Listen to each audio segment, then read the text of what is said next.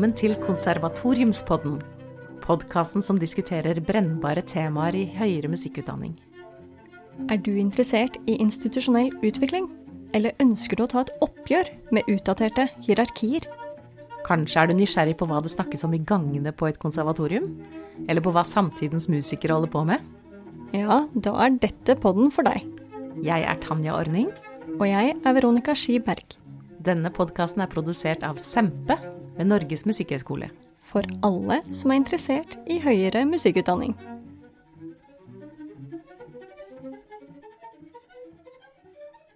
I denne episoden skal vi snakke om musikkpolitiet. Og eh, musikkpolitiet kan vel forstås som en slags sosial kraft som omgir eh, alle musikere.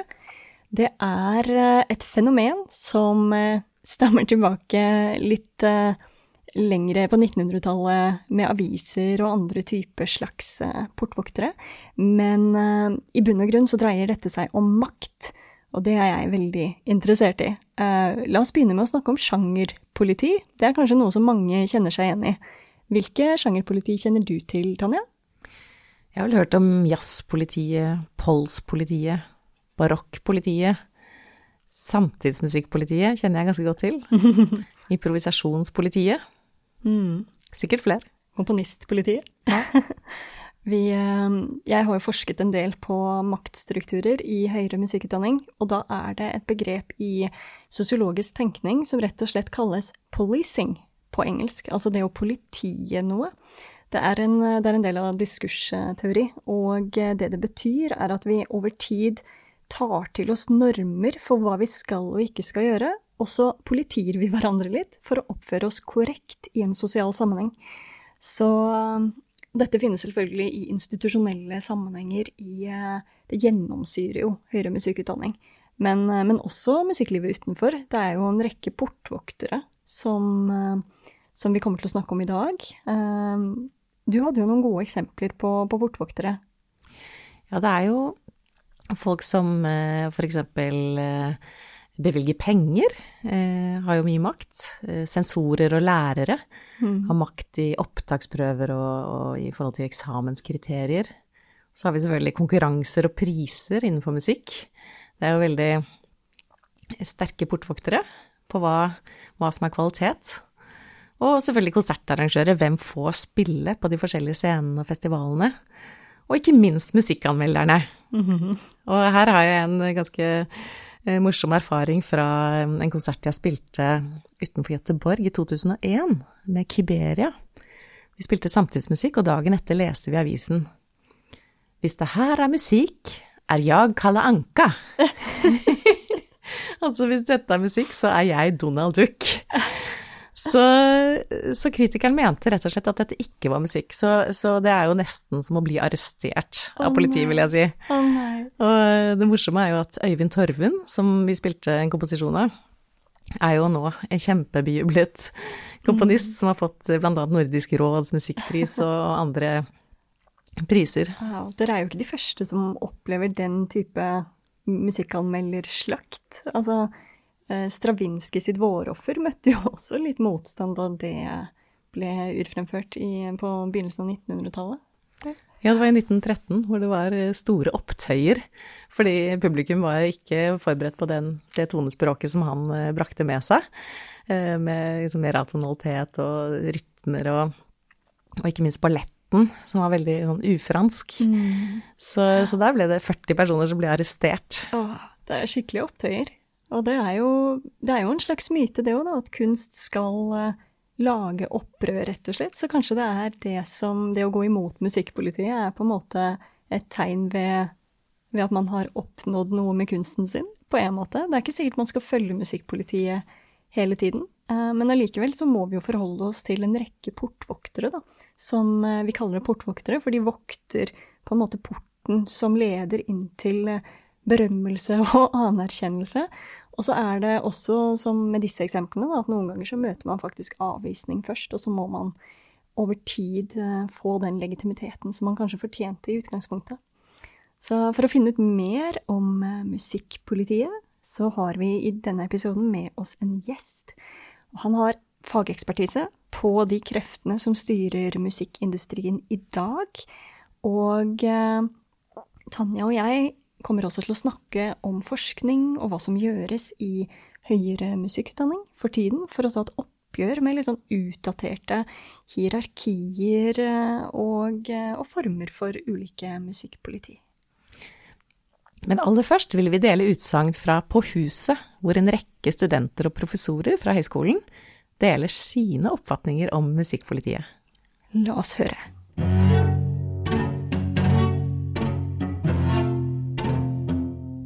Hva tenker du om musikkpolitiet? Hvis jeg skal ta klassisk musikk, da, som er min sjanger, så er jo det Det finnes jo en elite. Det finnes masse snobber. Og det finnes masse folk som synes at de skal ha definisjonsmakt. Og det har de. Musikkpolitiet finnes nok overalt. Det sniker seg inn i små samtaler bare mellom to mennesker, og det finnes Det er som en dogme som seg rundt overalt, på en måte. Um, I guess the musical police in my understanding, are the so called gatekeepers of the music worlds. They're the people who review our albums, who book our gigs, who decide if our sample is good enough to uh, release on their label or uh, perform at their venue. Hvis man skal si noe om hvem, hvem det er som bestemmer om musikk er bra eller ikke, så tror jeg det Jeg tror alle sitter med en følelse av at det er de andre, det er ikke en selv. Det er noen utenfor. Ja, så musikkpolitiet er altså noe som ikke angår en selv, er det jeg får litt følelsen av her. Det, er, eh, det gjelder snobbene og, og, de som sitter på makten og bestemmer litt. Det, det er liksom noen andre som bestemmer over hva du får lov til å gjøre som en musiker. Og det er jo litt i motsetning til at vi alle er eh, med på spillet, så å si. Mm. Og jeg lurer jo noen ganger på i klassisk musikk om vi er litt lydige, eller at man blir litt lydig av å følge med på den kulturen hvor du blir sosialisert inne i disse hierarkiene så tidlig mens du er ung. Og mye er jo gjennom dette og, å mesterlæren hvor du imiterer mesteren, så det å følge og ape etter andre er jo en veldig sterk del av kulturen. Så det er jo ikke bare bare å, å tenke at du har en egen stemme der, kanskje. Så man blir rett og slett trent opp til å herme de første årene man begynner å spille et instrument. Det er jo ganske naturlig. Og jeg tenker når man komponerer også, så er det jo naturlig å ta utgangspunkt i det man har hørt på før. Så blir mm. man inspirert og Altså, man sier jo at gode kunstnere stjeler. Og jeg hadde denne tanken da jeg begynte på Musikkhøgskolen i 2010 om at vi var som sånne lydige hunder som løp rundt og gjorde alle de oppgavene vi fikk beskjed om. Og eh, du vet, med en hund så du får jo mange godbiter og sånn når du holder på å bli lært opp, og så etter hvert så får du ikke noe ros lenger, og du går rundt og du gjør alle de riktige tingene. Men allikevel så Ja, man, man blir lydig, da, rett og slett. Og det er jo ikke det ja, myten om kunstneren som, eh, som, går sin egen vei, og det er et slags skjæringspunkt her i høyere musikkutdanning. En slags maktesløshet, kanskje også, over hvordan å, å, oppnå den balansen. Jeg tror vi må høre litt mer, altså, om hva de tenker. Hva tenker du om musikkpolitiet? Musikkpolitiet som du spør om, finnes jo egentlig ikke. Det er folk som forsøker å lukke dører for de kreative sjeler, men ingen andre kan lukke de dørene enn kunstneren selv. Sånn at hvis noen prøver med hersketeknikker å lukke en dør for deg og være slags musikkpoliti, så kan man tenke det mener de, men jeg vet hva jeg elsker og hva jeg mener. Jeg tror vi kunne eh, skapt en mye mer nysgjerrig åpenhet rundt hva slags repertoar vi velger hvis vi bruker øra mer enn eh, synet. Altså, hvis vi bruker faktisk de, det sanseapparatet vi er med å trene opp så mye, da, som er hørselen vår, hvis vi velger ut ifra hva vi hører, framfor hvilket navn vi ser på nota, så tror jeg mye av den der eh, skeivheten i repertoarvalg hva angår kjønn særlig, da, kunne vært retta opp. Musikkpolitiet tror jeg eh, finnes eh, i veldig mange sjangere. Um, man snakker f.eks. ofte om tidligmusikkpolitiet, fordi der er det så mange, eksisterer så mange forestillinger om hvordan man skal framføre ting på en tidsriktig måte. Samtidig så må man bestemme hvor relevant det er for seg selv, fordi det er jo ingen som har fasiten. Nei, ingen har fasiten. Og samtidig er vi jo helt uh, uopptvistelig del av en uh, tradisjon, historie. Musikkfeltet er veldig kollektivt. Altså vi, vi opererer i grupper. Vi har felles forståelser og mindset. Og sånn som vi hørte her, så handler jo musikkpolitiet mer om man tror på det eller ikke. Altså dette å, å tro på en makt, uh, så underkaster man seg kanskje makten. Men hvis man har et mindset som sier at ja, jeg er en del av en tradisjon, men jeg kan allikevel ta egne valg, er det mulig? Mm, ja, det er jo kanskje et nøkkelspørsmål, da. I hvilken grad oppmuntres vi egentlig til å tenke over hvilke portvoktere som finnes? Både innenfor og utenfor høyere musikkutdanning? Jeg, altså på eksamenskonserter for eksempel, og vi snakket litt om det i stad, så hører vi jo ofte repertoar som omtales som mesterverk, og hvor vi spiller til punkt og prikke og kan bli rammet av ja, tidligmusikkpoliti eller andre som sier noe om hvordan ting skal gjøres. Men det ironiske er jo at eh, hvis vi går tilbake i tid, så var jo musikerne på 1700-1800-tallet ganske fleksible og improviserende og hadde på noen måter mer sin egen stemme enn mye av den institusjonaliserte tradisjonen vi ser i dag, da, i høyere musikkutdanning. Så ja, vi snakket litt tidligere om Leach Wilkinson, eh, for eksempel, som eh, som tar et oppgjør med det da, og snakker om uh, musikerens egen agency, performer agency. Men uh, noe av det som jeg har funnet i min forskning, da, er at hver gang musikk institusjonaliseres, så utvikles det ulike makthierarkier og, og såkalte kanon. Og det vil si at over tid, det som blir definert som kvalitet i musikk, skaper en slags sånn kanonisert rekke av musikalske verker, og så stilles det krav til hvordan å spille disse på en god måte.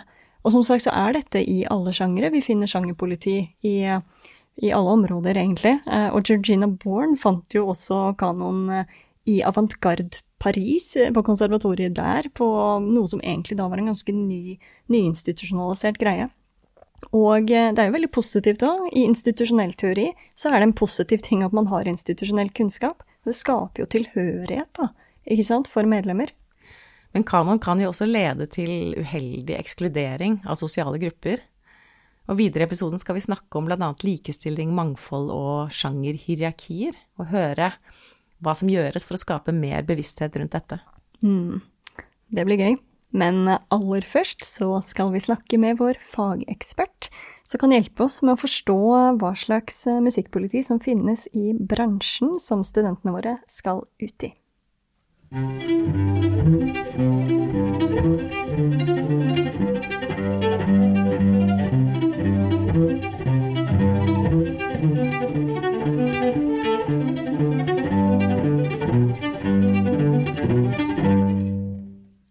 har vi med oss musikkviteren Audun Molde på Konservatoriumspodden.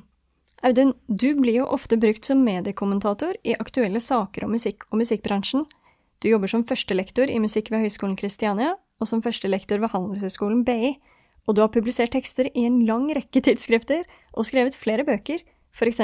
harmonilæreboka Akkordboka fra 2013 og Pop, en historie fra 2018. Du har også vært medforfatter av en rapport fra 2019 om digitaliseringens innvirkning på norsk musikkbransje på oppdrag fra Kulturdepartementet, og du har vært medforfatter i antologien Kreativ næring lokale, digitale og økonomiske perspektiver, som ble utgitt i 2021. Så i dag skal vi snakke om disse tingene, altså hvilke krefter som styrer og tidvis skjuler seg i musikkbransjen, og hvordan disse kan relateres til høyere musikkutdanning. Velkommen. Takk. Så aller først, Audun, ønsker jeg å spørre deg, hvilke assosiasjoner får du til musikkpolitiet?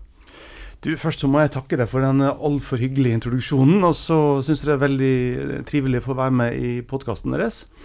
Når jeg tar uh, ordet musikkpoliti i min munn, som jeg gjorde akkurat nå, så tror jeg det er første gang på hvert fall ti år at jeg har sagt det ordet. For, for, meg så er min assosiasjon til det er at det er et ord som er litt gammeldags og litt forlatt. Et ord som vi kanskje la fra oss i forrige århundre sammen med stensilmaskiner og uh, personsøkere og floppydisker og andre ting som er ord vi ikke har i, i språket vårt lenger. Mm. Så for min, sånn subjektivt for min del så er det et ord som på en måte jeg har nesten glemt, og som jeg nå merker at jeg bare kan ha et litt sånn ironisk forhold til. Mm. Eh, og jeg vet ikke om det er en morsom metafor heller, men nå har du utfordra meg til å tenke på det, og det var ganske interessant. Og min første assosiasjon jeg kom hit i dag, var jo at eh, det huset man passerer på vei til Musikkhøgskolen, er jo Politihøgskolen. Ja, det stemmer. så når jeg står på plassen utenfor her, så ser jeg ordet musikk foran meg. Så kan jeg snu hodet 45 grader til høyre, så er det ordet politi. Så det er vel kanskje litt av forklaringen på at den, at den metaforen har overlevd litt her, kanskje. Men eh, vi kan jo dykke litt ned i, i, i ordet politi. Da. Hva er politiet sine oppgaver? Eh, politiet har som oppgave å håndheve ro og orden. Og da er min assosiasjon at det er kjempebra, det trenger vi i musikklivet. Altså Vi trenger eh, trygge arbeidsplasser, vi trenger eh, ordnede økonomiske forhold. Vi trenger arbeidsplasser uten diskriminering, seksuell trakassering, uten rasisme osv. Så, videre. så ro og orden er kjempebra. Kanskje vi også kunne trengt litt mer ro og orden når det gjaldt Tenk om du hadde et musikkpoliti som sørga for at unge musikere fikk penger inn fra YouTube, fikk penger inn fra TikTok Mm. eh, eller Facebook, for ikke å nevne. sant? Så på opphavsretten så kunne vi virkelig trengt et musikkpoliti. Mm. Men når det gjelder det kreative og kunsten, så er jo kanskje uorden og, uh, og uh, litt mer uh, distribusjon mer fruktbart da, enn ro og orden. Mm. Og så den andre oppgaven til politiet, det er jo å håndheve lover og regler. Mm. Og siden vi i Norge er så heldige at vi ikke bor i en politistat, men vi bor i et land hvor det er demokratiske bestemte lover og regler, så er jo det også veldig bra at politiet gjør det. Um, men er liksom, lover og regler er det en god metafor på musikkfeltet? Og der får jo jeg litt mer problemer, da, for jeg tenker at um, regler det syns jeg ikke er et veldig fruktbart begrep, rett og slett. da. Mm. Um, jeg skrev jo en bok som du nevnte som heter Akkordboka, den harmonilæreboka mi. Og Der skriver jeg i introen, eller i forordet til boka at dette er ikke en samling universelle vedtatte regler. Det er ingen naturlover i musikken. Men, men, det som jeg prøver å gjøre i den boka, er jo å vise hvordan musikere, komponister, låtskrivere faktisk har brukt konsepter og ideer eh, satt i et system, sånn at det blir overførbare. Mm. Men det er jo aldri, aldri sånn at det er teorien som kommer først. Praksis kommer alltid først. Mm. Og så systematiserer man det i etterkant, sant? og så blir det kanskje misforstått som en, som en regel. Mm. Så i min assosiasjon da, så er kanskje sånne ord som henta fra kriminologien og jussen, som lov, lover, regler, politi, det er kanskje metaforer som lukker noen dører. Mm. Mens det som åpner dører, det er kunstnerisk refleksjon. At man blir bevisst på eh, hvorfor gjør vi sånn og ikke sånn. Eh, hva er grunnen til at den sjangeren fins? Hva er grunnen til at i den tradisjonen så har folk pleid å gjøre det på den måten? Mm. Eh, altså utforskning, nysgjerrighet, og at man selvfølgelig har Vi må ha sjangre, og vi må jo ha tradisjoner. Mm. Eh, men de må prøves og utforskes og, og på en måte vinnes eh, igjen og igjen. da. Ikke ved hjelp av regler, men ved hjelp av refleksjon. Og Det er min viktigste assosiasjon. Jeg syns det er veldig interessant det du sier her, for i boka di så oppmuntrer du jo også til låtskriving og det å uttrykke seg kreativt. Og jeg har studert komposisjon, og det, veldig, det var det i alle fall mye vekt på å kjenne reglene før du bryter dem. Eh, typisk sånn måte man, eh, man omtaler kreativ praksis på. Da. At du kommer inn i denne, dette store havet av tradisjon, og så skal du tukle med det på en måte. Mm. Og gjøre det til, til ditt eget, og til en kommentar på den tiden man lever i. Da. Så det er på en måte institusjonsperspektivet, kan man si, hvor det er en del regler, men, men hvor ikke nødvendigvis fokuset er på å oppheve disse reglene. Uh, og det andre du nevnte, var industrien sine strukturer, på et vis. Eller samfunnsformen eh, på, på hvor, hva musikerne treffer når vi kommer ut i arbeidslivet. Så, så det er jo to store strukturer, på en måte. Det, når man kommer fra institusjonen, høyere musikkutdanning, og så møter man den eh, Vi kan jo kalle det nærmest en institusjon òg, altså den, det musikkliv-institusjonsperspektivet. Men de strukturene som, eh, som sørger for at det er mulig å leve som musiker. Da, altså hvilke regler og lover, og hvordan beskytter man musikerne sin, eh, sin livskvalitet, rett og slett. Ja, det er viktig. husk at alle gode fortellinger, alle gode narrativer, eh, om det er folkeeventyrene, om det er Askeladden, om det er gode filmer, om det er gaming, så handler de alltid om å overvinne hindringer. Og de hindringene kan være inni deg sjøl. Som musikkstudent så er det dine altså mentale eh, forhold til det du gjør, kunstneriske utvikling. Altså den prosessen du har inni deg, og også alle de ytre faktorene. Samfunnet rundt deg, media, lærerne dine, institusjonen. Du må overvinne hindringene for å komme dit du selv vil, og bli lykkelig. Og det, Da må du ta modige valg, og for å ta de modige valgene, så trenger du gode hjelpere. Og det med gode hjelpere er også viktig, for det kan jo også institusjonen bidra med. Eh, det er veldig lite som er eh, jeg i musikk, det er veldig mye som er vi. Det er mye nettverk, og det er mye mm. samarbeid. Mm. Så det er også perspektiv på det med, med regler og konvensjoner. Man må brytes mot det hele tiden. Og man må finne sin egen vei mot, i forhold til det. Mm. Det er en nydelig metafor å bruke på høyere musikkutdanning som institusjon. For det er jo ikke sånn at man skal stagnere. Eh, utdanning er jo på mange måter om dannelse, og det betyr jo å vokse som, som person og som mm. musiker. Mm. Så jeg, ja, det, jeg elsker den metaforen, rett og slett. Men hva med bransjen, da? Eh, jeg tenker på musikkindustrien. Hvilke krefter eller politi opplever du er der ute akkurat nå? i musikkindustrien? Det er et veldig stort spørsmål. Mm. Um, jeg tror man kanskje skal begynne med å se seg i speilet på sin egen mobiltelefon. Uh, der er de fleste kreftene samla. Sosiale medier. Og det er uh, likes og, og, alt man deler og alt man forteller om. Også det er jungeltelegrafen i digital form. Eh, markedsføring og definisjonsmakt er jo på mange måter demokratisert. Mm. Og det er, veldig, det er på en måte veldig bra. Um, samtidig så tenker jeg at eh, algoritmene eh, fungerer jo ofte sånn at du får et sånn trollspeil stilt opp mot deg sjøl. Eh, fordi at du blir jo ironisk nok din egen portvakt. Når du hører på musikk, så vil jo algoritmene anbefale mer av det samme. Mm. Og derfor så får du hele tiden din egen musikksmak holdt opp mot deg. Uh, og du blir ikke utfordra, du må aktivt velge. Da. Så det er en mm. viktig maktfaktor. Jeg har jo sagt også til uh, venner av meg som jobber i, i Tidal, at uh, kan dere ikke lage en algoritme så mye med det motsatte? Oh, det har jeg tenkt så mange ganger. Har du? Ja, jeg har det. Jeg syns det hadde vært veldig en morsom motstand mot dette ekkokammeret som digitale medier uh, får oss inn i. Ja, det er vi to som vil ha den algoritmen. Den, den må jo bare lages. En ja. sånn anti-algoritme som utfordrer meg og gir meg noe som jeg ikke visste at jeg ville ha. Mm. I det, det minste liksom en knapp man kunne trykke på som yep. ja takk, jeg velger denne. Ikke sant. Mm. Så der er det ting som kan gjøres, da. Og det finnes sikkert mennesker som mener at musikk er et felt man kan konkurrere i. Jeg er ikke et av de menneskene, men jeg respekterer at noen mener det. Og du har jo korkonkurranser og korpskonkurranser og opera. Det er jo så mye konkurranser overalt. Men mm. Norge er jo ikke først og fremst en kulturnasjon, vi er først og fremst en idrettsnasjon. Ja, Jakten på talentet. Yes, jakten på talenter. Og, og, og, alt er jo en konkurranse, noen skal vinne, noen skal tape. Mm. Eh, og når du har sånne um, konkurranser for operasangere også, hvor du kan vinne 50 000 euro i første premie, så er jo det er jo en um, grei årslønn for en kunstner i Norge, i hvert fall i det frie feltet. Mm. Og det er klart at det blir en maktfaktor. Og de dommerne som sitter der, som har en, en normativ forståelse av hva som er riktig og hva som er feil, og, og hvordan ting skal være. Du ser det også, jeg så på et TV-program som heter Skal vi danse. Og Der sitter jo også dommerne og sier at du skulle hatt hodet litt mer bakover der, og ja. hånda skulle vært litt mer i den vinkelen. sant? Og du har en sånn veldig sånn pre-forståelse, normativ forståelse, mm. av en mal som du skal gå inn i. Og det må man jo ha i en del fag. Det ligger jo en faglighet i det, men det blir jo en utfordring. Da. Det blir en sånn sterk definisjonsmakt for en mm. ung musiker som skal inn og finne sin plass. Mm. Og du har det i andre yrkesgrupper. sant? For å ta et annet eksempel. Du, hvis du skal reparere badet ditt, så vil jo du ha en rørlegger som forholder seg til våtromsnormen. Mm.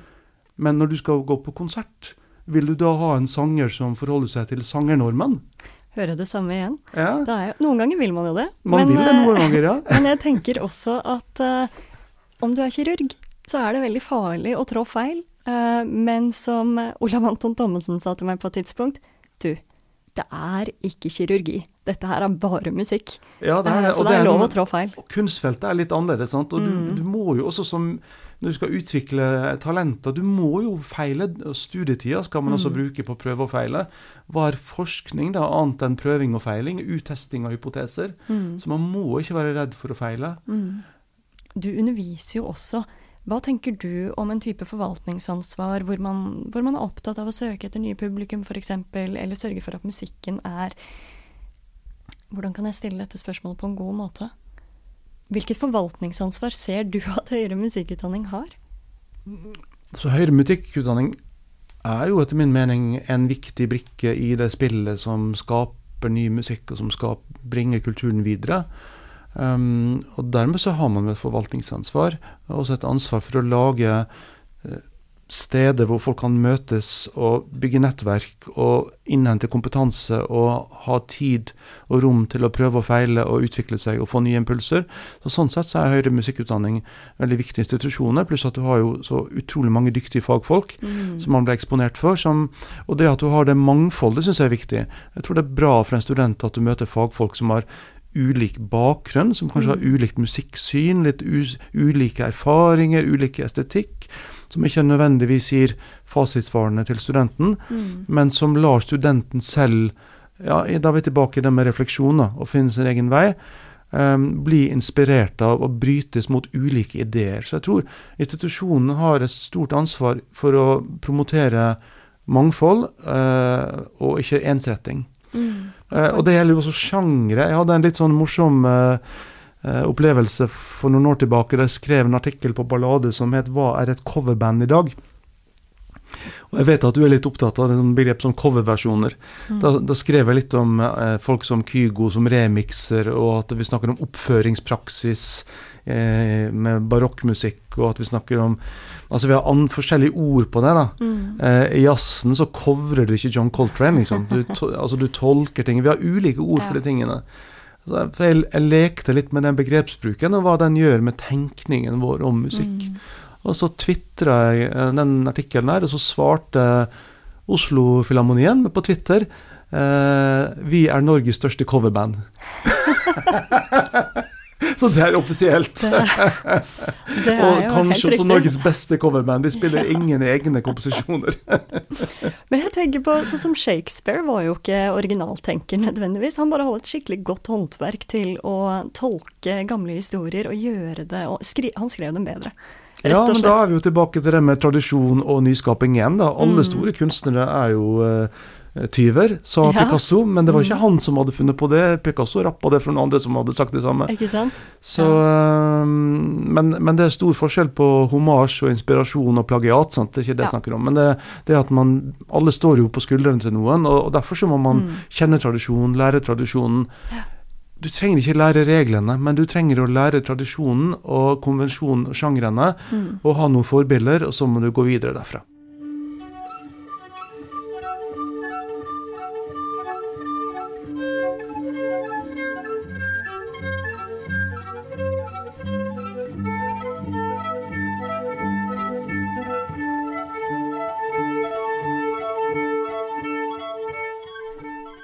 Så alle står på skuldrene til noen. Og det som kanskje er veldig spennende nå for tiden, er at de skuldrene begynner å bli veldig mange. Det vil si, det er mer åpenhet for eh, sjangerkrysninger, og at man skal kunne være mer tverrfaglig på tvers av kunstarter. Og eh, vi har jo fått eh, nye sjangerfrie studieprogram. Med disse digitale tjenestene så har jo lyttere også kommet tettere og nærmere i kontakt med andre former for uh, sjangre. Og det, det er rett og slett et mye mer mangfold enn det var tidligere. Eh, og disse sjangerfrie studieprogrammene heter jo på Musikkhøgskolen Frika og Frima. Det har jeg faktisk forsket på. eh, sammenlignet noen studenter derifra med studenter på klassisk. Og det er så mye mer som er likhetstrekk enn enn ulikheter. Alle studenter skal jo i prinsipp utvikle sin egen kunstneriske stemme nå for tiden. Så det, å, det at det begynner å komme en, en form for åpenhet, hvor man oppmuntres til det, det syns jeg er utrolig spennende. Det er rett og slett et mer sånn fokus på å forske på skapende og utøvende prosesser. Og det, det har jo du erfaring med, Tanja?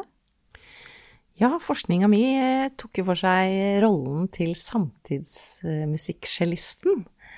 Og eh, da undersøkte jeg da gjennom å spille masse nye verk fra de siste 50 årene, eh, hvordan disse prosessene og, og, og ikke minst mindre respekt for verk, sånn som vi snakket om i stad. Altså mindre respekt for kanon og mer eh, fokus på hva de utøvende gjør. Altså hva slags eh, agency, hva slags mandat, hva slags frihet eh, du har som eh, interpret, som tolker.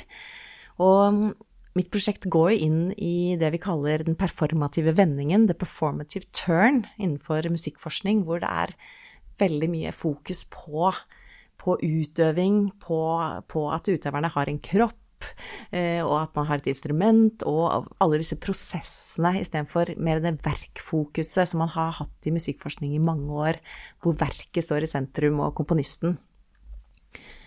Så, eh, så, dette er jo også det i tråd med det som han Christopher Small kaller 'musicking'. At eh, musikk er et verb.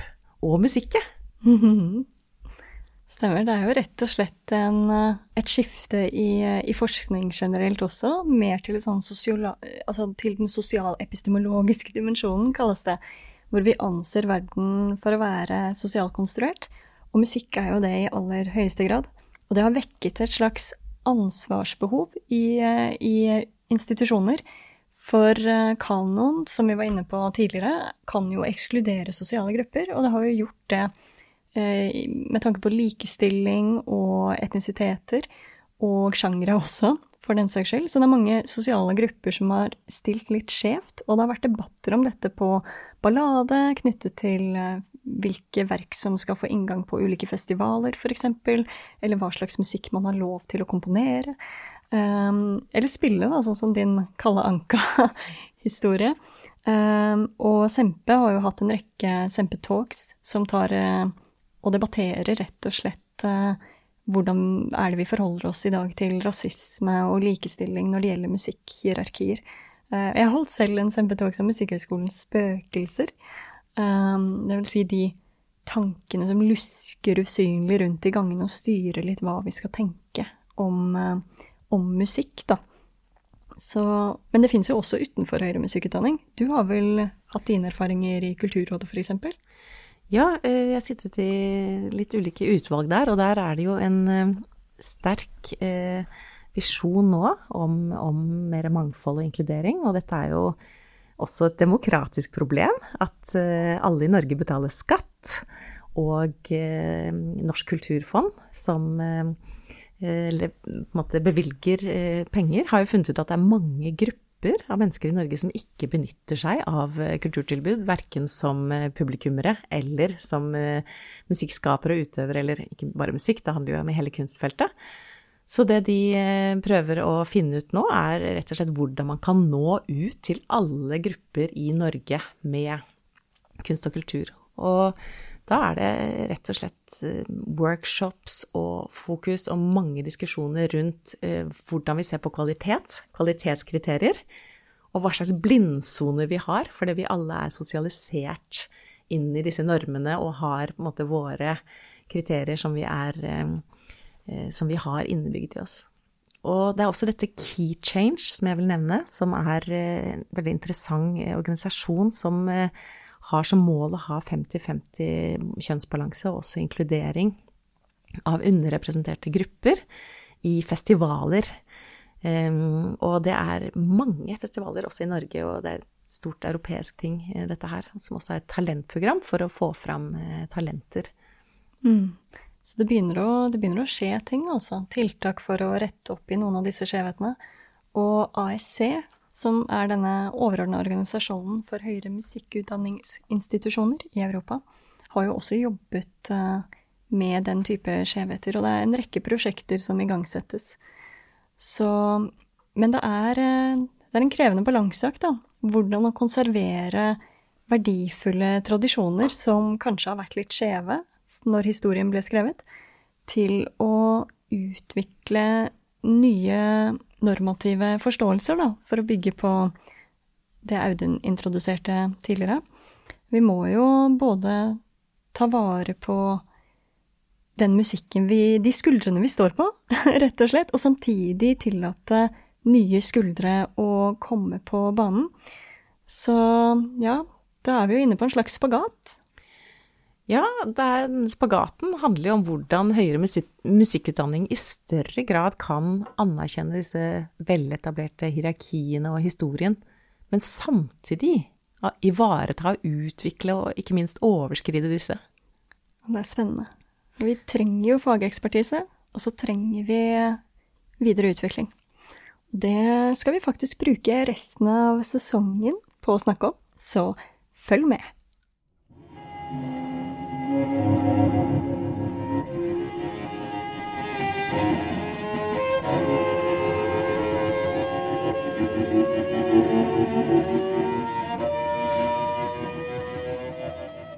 I denne episoden har vi snakket om sjangerpoliti og portvoktere, policing og flytende definisjonsmakt.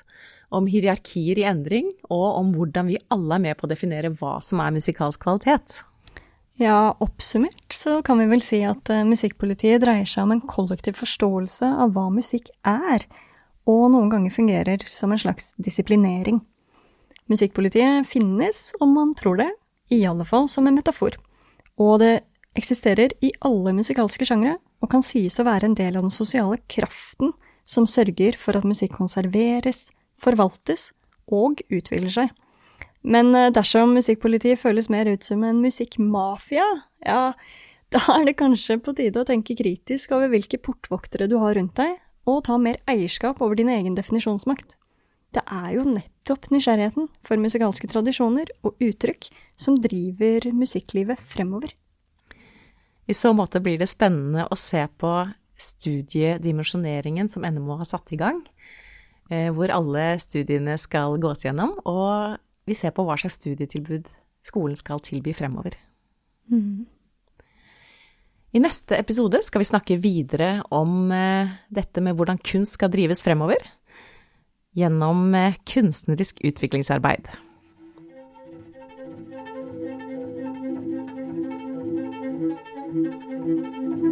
Det var andre episode av Konservatoriumspodden. Vi takker Audun Molde, som var med oss som gjest i dag. Vi takker også for utsagn fra folk på huset. Siri Storheim, Ragna Rian, Sosha Varhepa, Morten Halle, Henning Kraggerud, Anna Berg og Victoria Oftestad. Du kan lese mer om podkasten på nettsidene til Musikkhøgskolen. Jeg er Tanja Ordning.